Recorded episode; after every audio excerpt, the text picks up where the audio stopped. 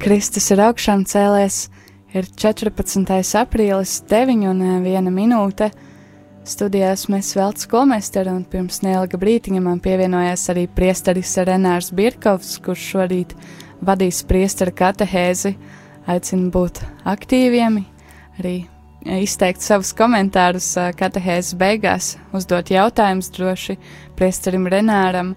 Tālruņa numurs izziņām ir 266, 772, 72, un tās varat iesūtīt visas katehēzes laikā, bet tagad vārdu dodu priesterim Renāram.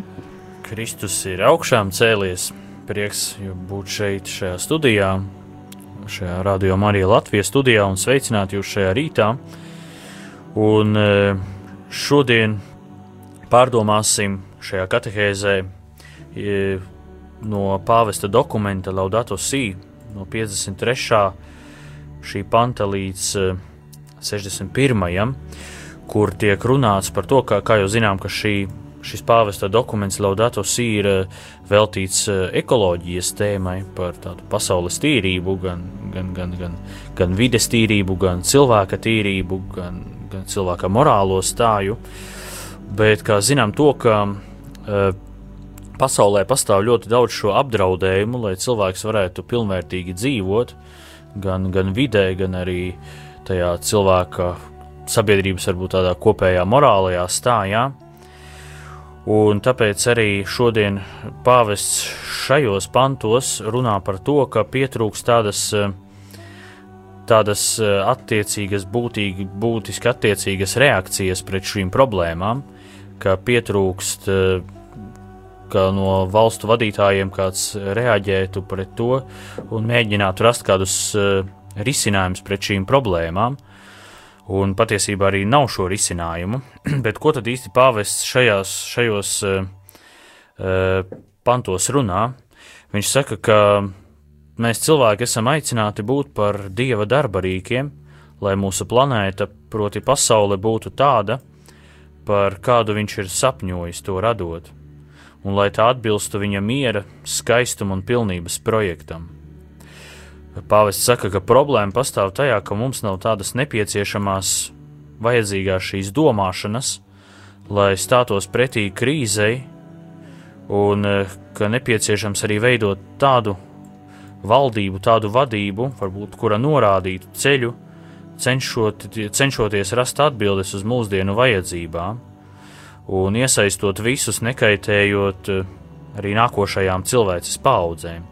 Proti, tiek runāts par to, ka, jā, ka pasaule ir skaista dieva dāvana katram no mums, ka tā ir, eh, ka tā ir ļoti, ļoti vajadzīga un ka Dievs gribēja, lai mēs šo pasauli piedzīvojam kā tādu skaistumu, ko Dieva mīlestība mums sniedz. Bet eh, cilvēki, protams, izmanto nepareizi šīs radītās lietas, un tāpēc trūks tādas varbūt eh, pasaules mērogā. Pāvests, kā tu uzskata, pasaules mērogā tādas autoritātes, kas spētu kaut kā ierobežot šo nepareizo pasaules, šo labumu un pasaules bagātību izmantošanu.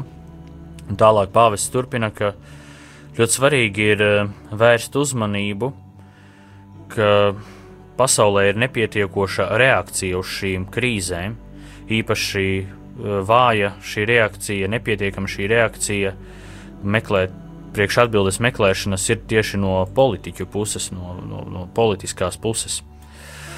Un kā Pāvis saka, ka politika šodien ir ļoti pakārtota tehnoloģijām un finansēm, ko arī redzam pasaules līmenī, kad ļoti neveiksmīgi ir bijuši ir, uh, mēģinājumi rast risinājumus attiecībā uz vides tēmu jo pastāv ļoti tādas, kā pāvis saka, partikulāras, jeb tādas ļoti sautīgas intereses, un ļoti viegli šīs ekonomiskās intereses pārspēja kopējo labumu, ka kopējais labums, kas varbūt ir labums, kas vērsts būtu visiem cilvēkiem, domāts visiem cilvēkiem, ļoti bieži paliek kaut kur malā, bet drīzāk pārsvaru, pārspēku gūst kādas dažādas citas intereses, kas ir šīs ekonomiskās intereses, šīs tehnoloģiskās uh, intereses.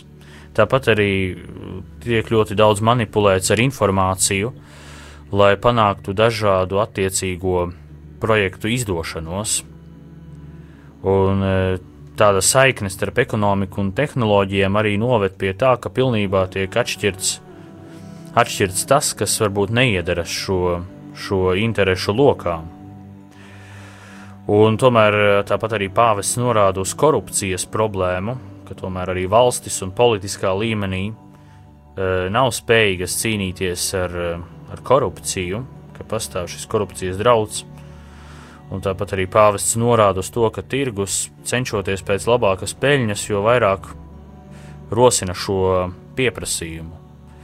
Un ļoti interesanti, ka pāvests norāda uz to, ka, ja kāds paskatītos uz mūsu pasauli un uz šo globālo sabiedrību, šo globālo situāciju no malas, viņš būtu pārsteigts par, par šo uzvedību, kura brīžiem ir redzama kā tāda pašnāvnieciska jo tie procesi, kas notiek attiecībā uz dabas resursu izmantošanu, uz tādu varbūt kopējā labuma neievērošanu, bet vairāk pirmajā vietā liekot tādas eh, ļoti sautīgas ekonomiskās, finansiālās šīs intereses, tad var redzēt, kā pasaules kopējā aina izskatās tāda ļoti pašnāvnieciska, jo tiek domāts tikai par šodienu, bet varbūt ne tik daudz par par rītdienu, tāpēc arī pāvests ļoti aicina, lai domātu mēs arī par, par kopējo labumu, lai labums no pasaules apsaimniekošanas būtu domāts visiem, nevis kādai tikai noteiktai cilvēku grupai vai noteiktai valstu grupai, bet lai visa pasaule spētu vienlīdzi sadalīt šos pasaules labumus, ko, ko Dievs, radītājs, mums sniedz.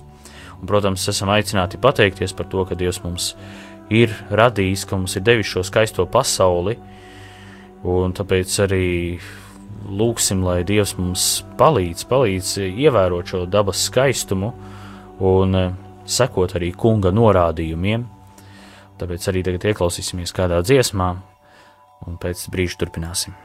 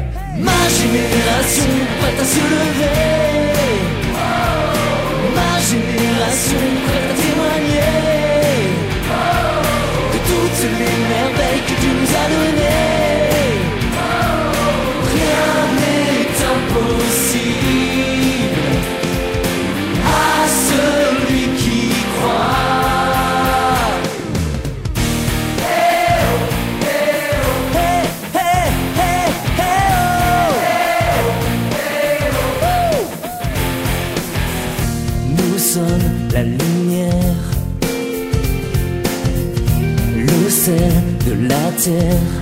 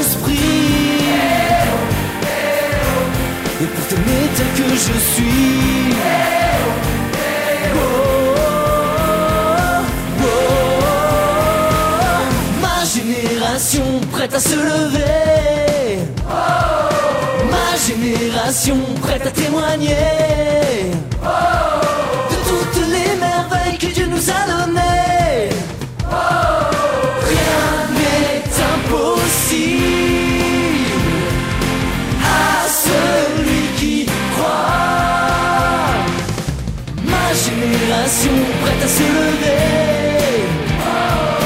Ma génération prête à témoigner.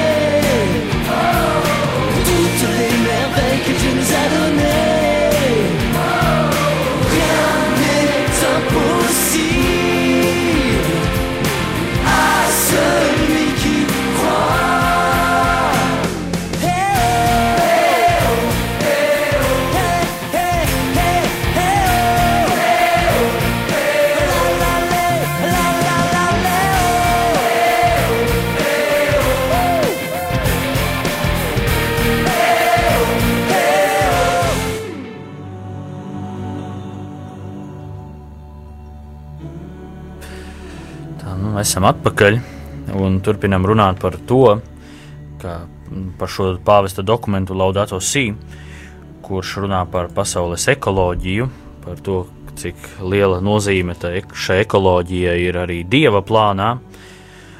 Un šodien runājam par šiem pantiem no 53. līdz 61. kur pāvests runā par to, ka ir tāda kā nepietiekama reakcija uz tām problēmām, uz tiem izaicinājumiem, kādus šodienas krīze ir radījusi attiecībā uz ekoloģiju, uz, uz vides ekoloģiju, uz cilvēka, uz cilvēka ekoloģiju, uz, jā, ja varētu tā teikt, uz tādu morālo ekoloģiju. Un, eh, jā, runājam par to, kā iepriekš pirms brīža par to, ka šī brīžiem šie pasaules ekonomiskās sistēmas attiecībā uz pasaules eh, labumu izmantošanu, uz dabas resursu izmantošanu ir ļoti tādas sautīgas intereses, un bieži vien tā sistēma izskatās no malas tāda ļoti pašnāvnieciska priekš pasaules, jo netiek domāts par, par kopēju labumu, bet drīzāk tiek uzmanība vērsta uz kaut kādu atsevišķu cilvēku grupu vai valstu labumu. Un pāvests eh, šajā dokumentā saka, ka mūsdienu saimnieciskās iespējas, diemžēl, ir spējīgas attaisnot patreizējo pasaules sistēmu, attaisnot šo krīzi, šo, šo nepareizo, nepareizo pieeju. Un šajā pieejā, šajā nepareizajā pieejā, kur dominē spekulācija un tiekšanās pēc finansiāla iegūma, ignorējot kopējo kontekstu, kā arī centienus priekš cilvēciskās cieņas, kā arī centienus priekš e, cilvēka vides kopšanas. Tādā veidā parādās, ka vides un cilvēciskā degradācija, arī ētiskā degradācija, ir savā starpā ļoti cieši saistītas. Daudz varbūt teiks, ka nav apziņas par morāli ļaunu darbību attiecībā uz vidi, jo tiešām veselas traģēdijas, kas notiek pasaulē attiecībā uz vidi, starp dabas resursu samazināšanos un, un vēl vis kaut ko, kas notiek, ved varbūt uz to ne to labāko iznākumu. Bieži vien tas viss mums atņem drosmi, lai mēs iestātos par to, kas ir tik ļoti ierobežots un neatjaunojams, proti, runājot par, par vidi. Un tāpēc šodien tas varbūt ir tāds ļoti trausls, ļoti delikāts jautājums, kā vide paliek tiešām tāda neaizsargāta tirgus interešu priekšā. Un tāpat arī daba un dabas resursi, un patiesībā arī šis kopējais labums, visu cilvēku labums, priekš kura pasaule ir radīta no dieva, ka patiesībā šis kopējais labums arī ir ļoti neaizsargāts dažādu ekonomisko interesu priekšā. Jā, var novērot to, ka starp daudzu resursu izsmelšanu, kā saka Pāvests Francisks, nonāk bieži vien līdz izdevīgiem scenārijiem priekš jauniem konfliktiem, proti, priekš jauniem militāriem konfliktiem, priekš kariem, kas varbūt ir maskēti zem dažādām vērtīgām pretenzijām, kā saka pāvests. Un tāpat mēs to esam novērojuši arī pēdējo gadu desmitu laikā, kad varbūt uh, dabas resursi un, un viss pārējais, ka to kļūst mazāk, tie ir kaut kur jāiegūst, un tāpēc arī tiek meklēti iemesli jaunām kara darbībām, bet, protams, nedrīkst būt valdībām, politiķi apzinās, ka nedrīkst būt uh, iemesls, lūk, piemēram, naftas resursi priekš kara, bet tāpēc viņi izdomā varbūt kaut ko citu, ko mēs varbūt arī nevaram līdz galam pierādīt. Bet eh, kara iemesli var būt daudz un dažādi, bet bieži vien tie ir arī ļoti sautīgi, eh, ļoti tādi vērsti uz uh, ekonomisku peļņu, ne, nevis uz kopēju ekonomisku peļņu, bet arī uz kādu tikai konkrētu, konkrētu cilvēku grupu, kura iegūtu no tā kādu labumu. Tāpat arī pāvests saka, ka karš vienmēr noved pie nopietniem zaudējumiem priekš vides, kā arī priekš tautu kultūras bagātībām. Un ļoti bieži vien, kā pāvests piemin, ka tiek minēti pārspīlēti draudi, bieži vien, kad runājam par kodola enerģiju un bioloģiskajiem ieročiem, kas no, no kādas šīm valstīm ir kā apdraudējums, ka tas ir varbūt tāds oficiālais iemesls šim karam, bet, eh, kā zinām, ka, ka karš ir kādam ļoti izdevīgs, kādam ļoti izdevīgs, jo viņš no tā gūst eh, kādu peļņu.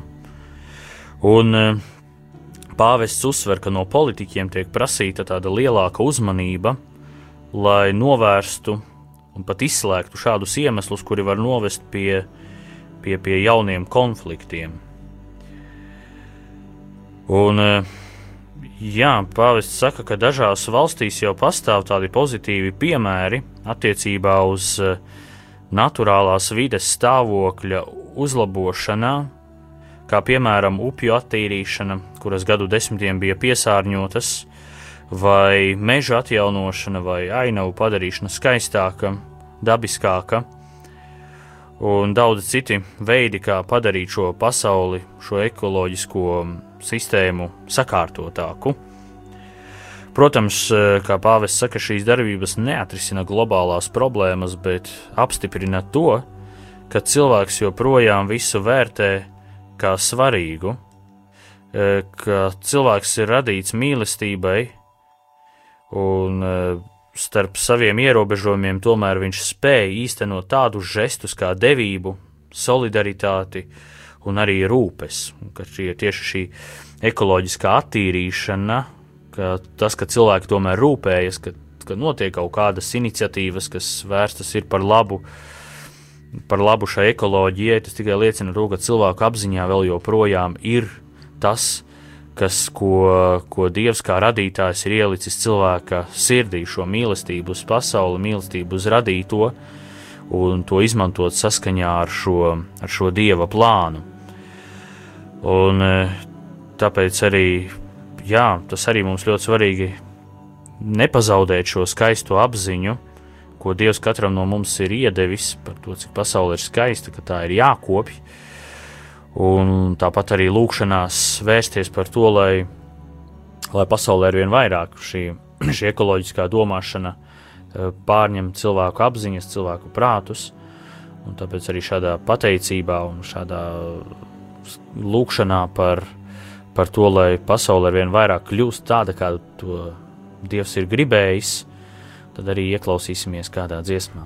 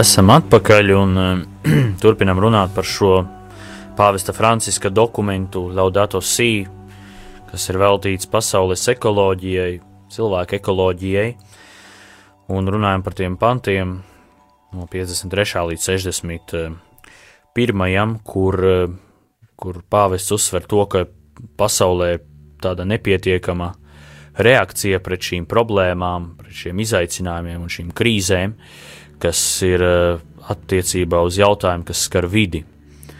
Vidi, kurā mēs dzīvojam, uh, to vidi, kuru Dievs cilvēkam ir uzticējis pārvaldīšanā, jo, kā zinām, Dievs radīja pasauli, radīja visas šīs labās lietas, un kā rakstos lasām, ka viņš to radīja labu, un uh, cilvēkam viņu uzticēja pārvaldīšanā.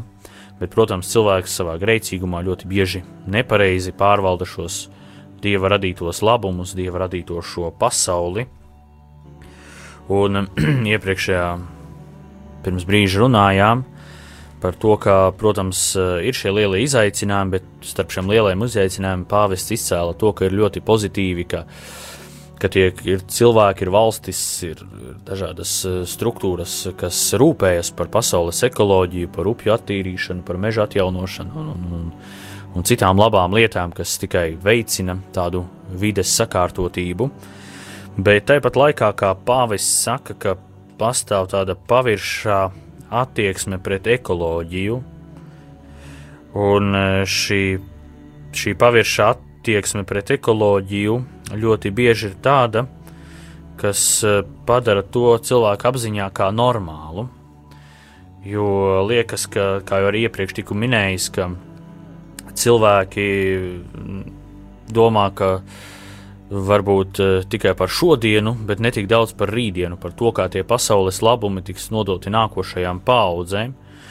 Un varbūt, diemžēl, tas, ka pārāk e, izplatīta ir šī Eh, nepareizā attieksme pret vidi, nepareizā attieksme pret ekoloģiju, ka tieši tas ir tas iemesls, kas uh, uh, traucē, traucē cilvēkiem pareizi skatīties uz šīm lietām, un dabas resursu izsīkumi, uh, nepareiza to izmantošana, cilvēku apziņā izdara to apmēram tā, ka, nu, tā visi dara, un tas ir normāli, un ko, ko gan mēs tur varam darīt, lai kaut kas mainītos, un līdz ar to turpina darīt uh, to, ko ir darījuši līdz šim.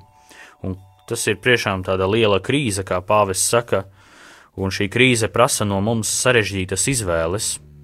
Un kā jau minēju, ka ir tāds kārdinājums domāt, ka tas, kas notiek, ka tas nav tik nopietni, ka tā kā tas ir bijis, tā tas ir, un droši vien, ka varam tā arī dzīvot tālāk, nepadomājot, kā jau minēju, par to kopējo labumu, un nepadomājot arī par, par, par, par, par cilvēkiem, par nākošajām paudzēm, un nepadomājot arī par, par vidi kā tādu kopumā. Šajos pantos, kad pāvests arī runā par šo nepietiekamo, jeb vāju tādu reakciju pret šīm pasaules krīzēm, tad eh, runā par to, ka arī jā, ka ir vajadzīgi risinājumi un ka ir jāatrisina šī problēma un kaut kā jāmeklē. Un pāvests tālāk runā par jau 60. pantā par uzskatu atšķirībām, ka pastāv arī atšķirīgi uzskati, kā vajadzētu mainīt eh, šo pasauli, vai, vai pastāv atšķirības tajā, kas tad ir īstie tie iemesli, kāpēc ir šāda ekoloģiska krīze, un kāpēc šī vide tik ļoti tiek, eh, videi tik ļoti tiek kaitēts.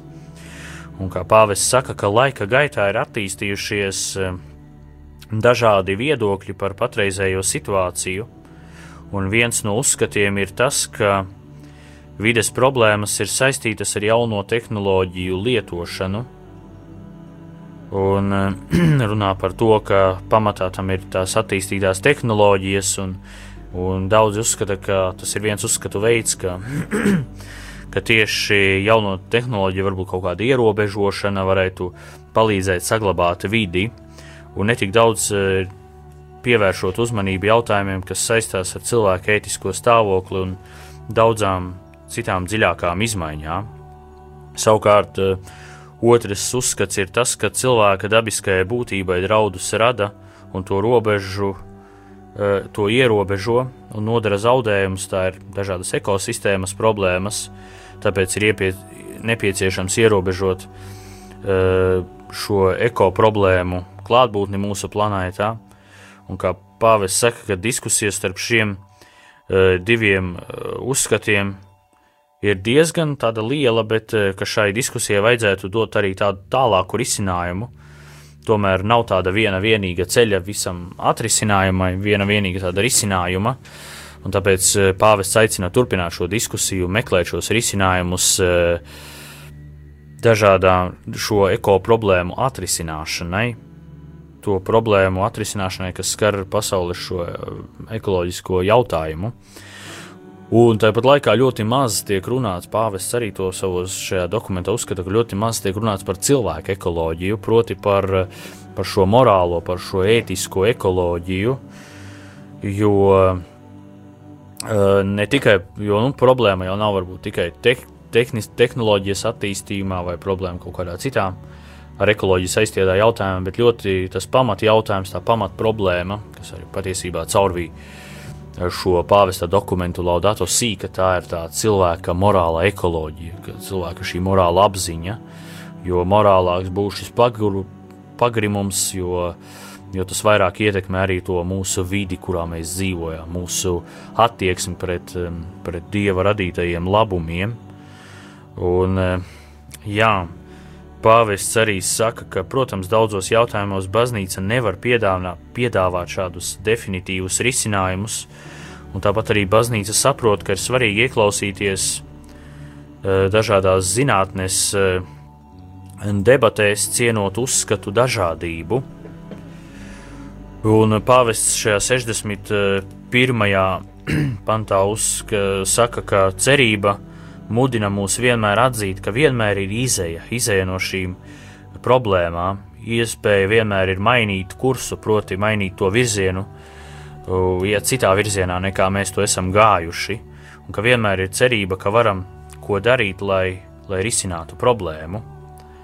Un uz to mūsu pāvests arī aicina, ka mēs, protams, pirmais veids ir šī dabas novērtēšana, pateicība Dievam par šo dabu, ko Dievs mums ir devis, un lūkšana par to, lai pasaulē uh, tiktu saglabāts tas tāds veids pasaules labumu izmantošanai, kā Dievs to ir gribējis, bet tāpat laikā arī pāvests aicina, lai tiktu meklēti dažādi risinājumi zinātnes līmenī, politiskajā līmenī, lai domātu gan par šo ekoloģiju, kas attiecas uz vides nepiesārņošanu, kas, kā pareizi izmantot tehnoloģijas, kā pareizi attiekties pret tiem labumiem, pret tiem dabas resursiem, ko mums daba sniedz, un galvenokārt eh, veicināt šo cilvēka morālo ekoloģiju, lai, lai tiešām cilvēks arvien vairāk cenšas dzīvot pēc šiem dieva baušļiem, pēc dieva plāna, un jo vairāk viņš centīsies ieklausīties dieva gribā, centīsies to īstenot, jo,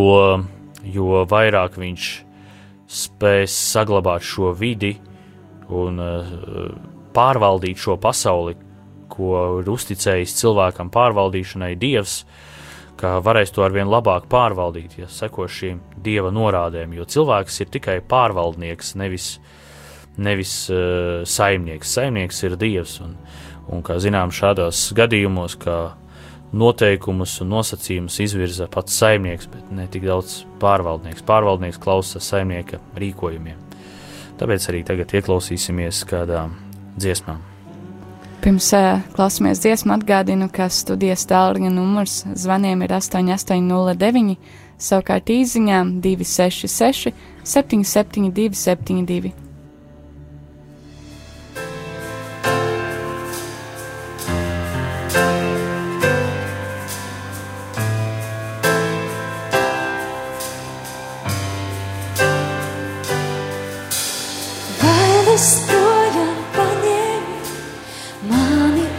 Uzrunāji tu, ceļos tavā priekšā pākrītu. Es no teju mani velk, tava mīlestības spēks, vēlos tavu skatu ieraudzīt, tu man vajadzīgs.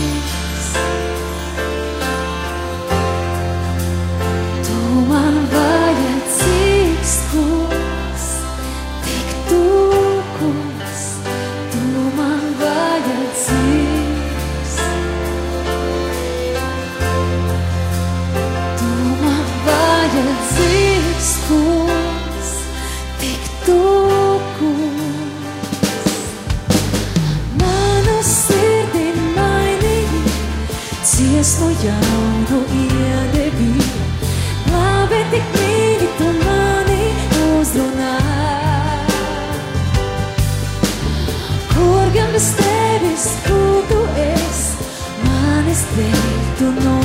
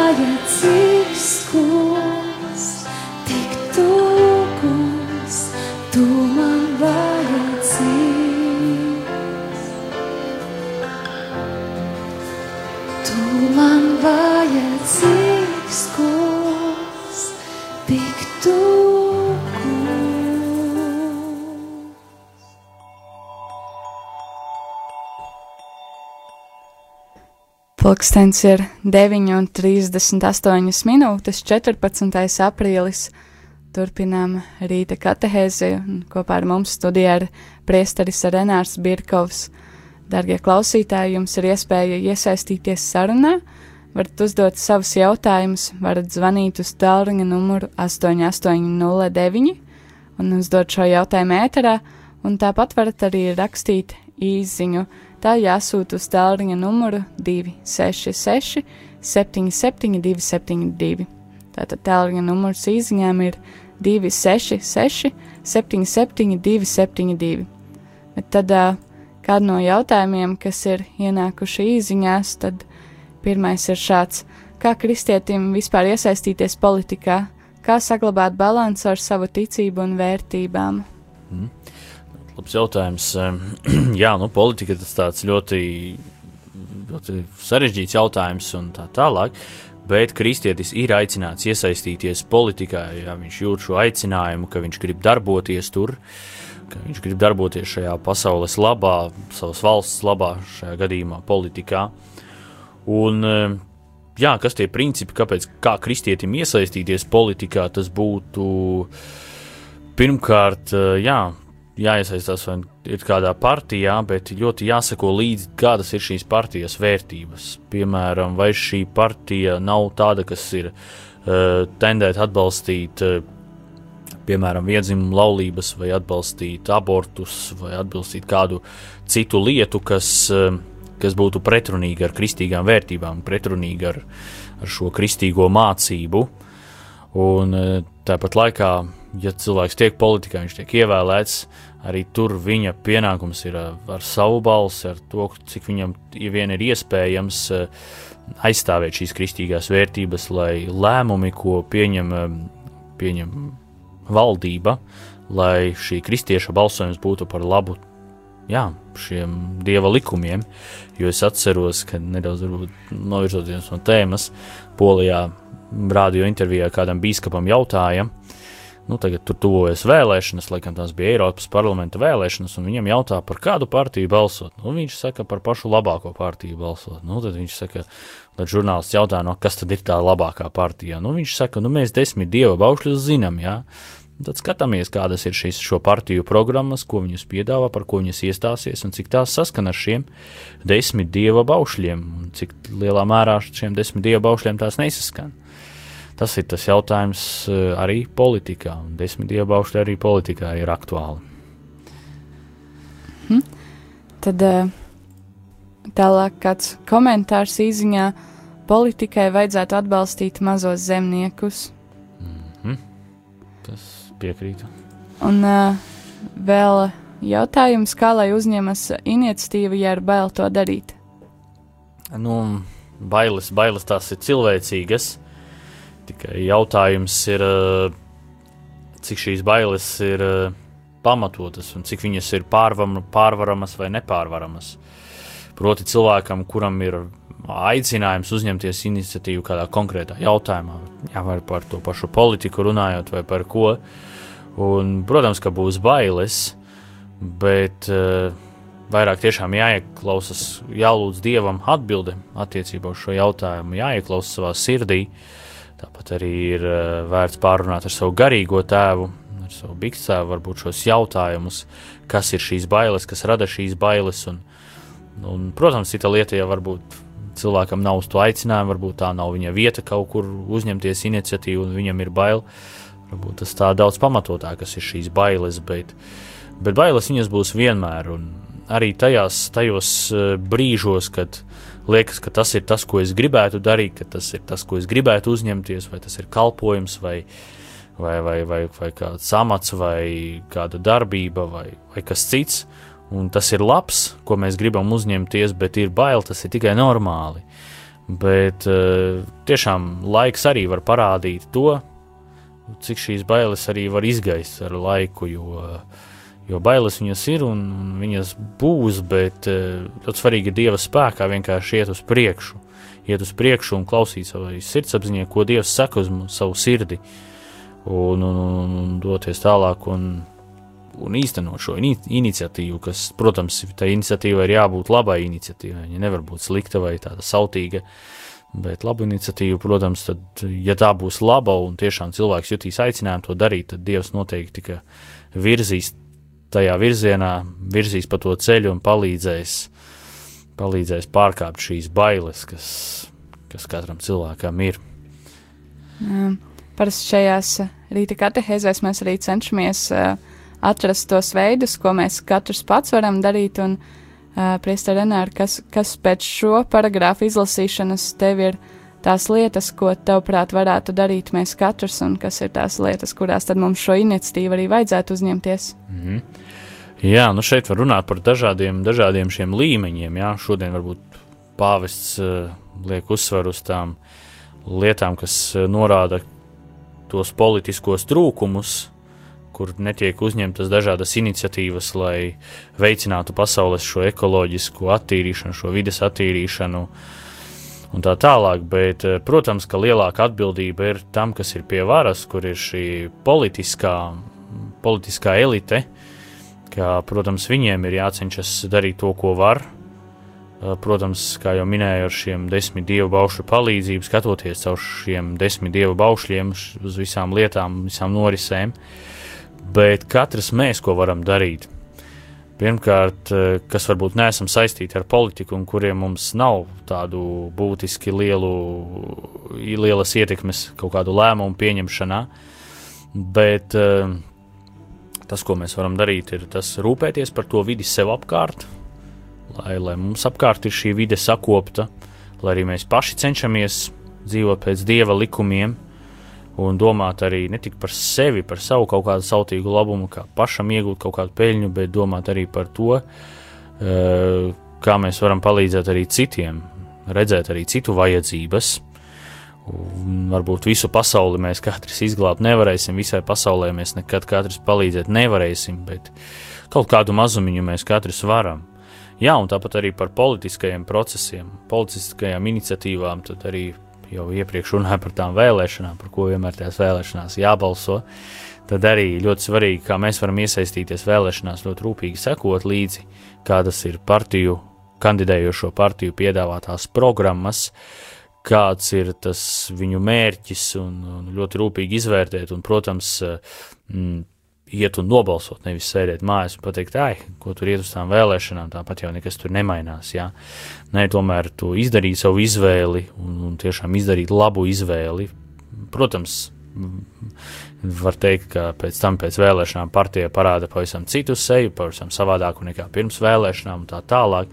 Bet tad jau tā ir, protams, šie, šo politiķu atbildība bet ne tik daudz varbūt vēlētājs. Vēlētājs ar savu sirdsapziņu ir ticējis, varbūt šie, šie, šā kandidāta labajiem vārdiem par viņu ir nobalsojis, bet pēc vēlēšanām viņš tur pavisam savādāks paliek. Nu, tā jau ir viņa atbildība, bet mūsu atbildība ir tiešām izdarīt izvēli par tādu kandidātu, kurš, kurš varbūt pēc mūsu sirdsapziņas, pēc, pēc dieva likumiem, pēc dieva baušļiem ir atbilstošs atbilstoši uh, veicināt šos politiskos procesus. Ka kaut arī mazumiņu mēs katrs varam darīt, bet bet lēnām, pamazām mēs varam.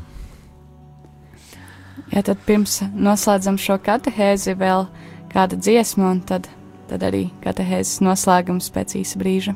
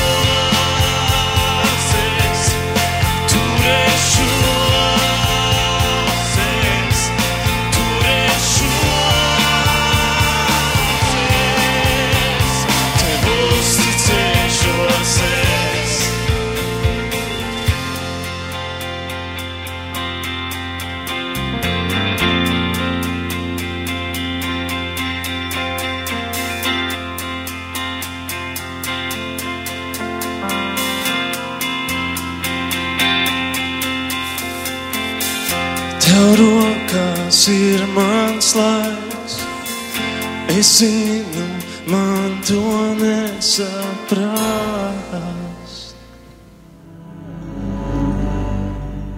Tā arī noslēdzot šo katehēzi, aicinu tevi, Priesteri Renāra, uh, novadīt kādu lūkšanu par to, lai arī mēs tiešām spētu atbildīgi iesaistīties šajā lielajā procesā un, un ar atbildību izturēties pret mums uzticēto pasauli.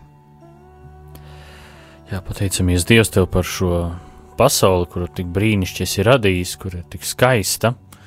Un tiešām pateicamies par tavu lielo mīlestību, kuras dēļ tu ļāvi mums šo pasauli pieredzēt, ļauj mums šo pasauli ieraudzīt un, un atļauj izmantot to, ko tu esi radījis, bet izmantot saskaņā ar tavu plānu, ar tavu vārdu. Ja tiešām, kungs, tu redzi arī mūsu grēcīgumu, redzi, ka šis grēcīgums arī, šis grēka ievainojums mums traucē pilnībā pieņemt šos labumus, pilnībā pareizi to izmantot, un šis grēcīgums arī traucē mums attiecībās ar tevi.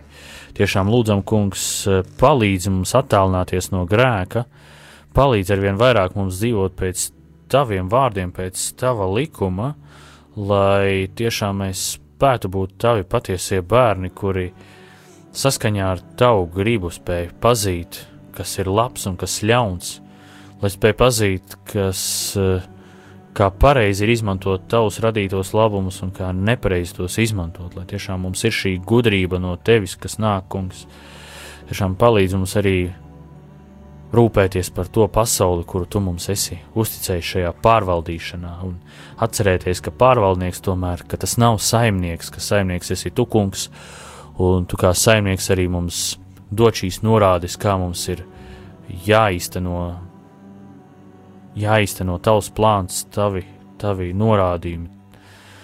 Un tiešām, ka pāri visiem projektiem un pāri visam, kas pasaulē notiek, pāri visām interesēm, lai galvenokārt ir tavi projekti, kungs, ka tas ir tava griba un tā ir, tā ir tava mīlestība, kura mums aicina, aicina sekot tev. Tiešām lūdzam, lai mēs būtu tev uzticīgi un tavas mīlestības cienīgi un būtu tavi patiesie bērni caur Jēzu Kristu mūsu kungu. Amen. Jā, paldies par katehēzi. Paldies Priestam Renāram par gatavošanos un par to, ka bija šeit studijā. Uh, klausītāji pēc piecām minūtēm, pulkstens 10.00. Uh, lūksimies litāniju. Bet tā, lai svētīga šī diena, lai svētīgi visi darbi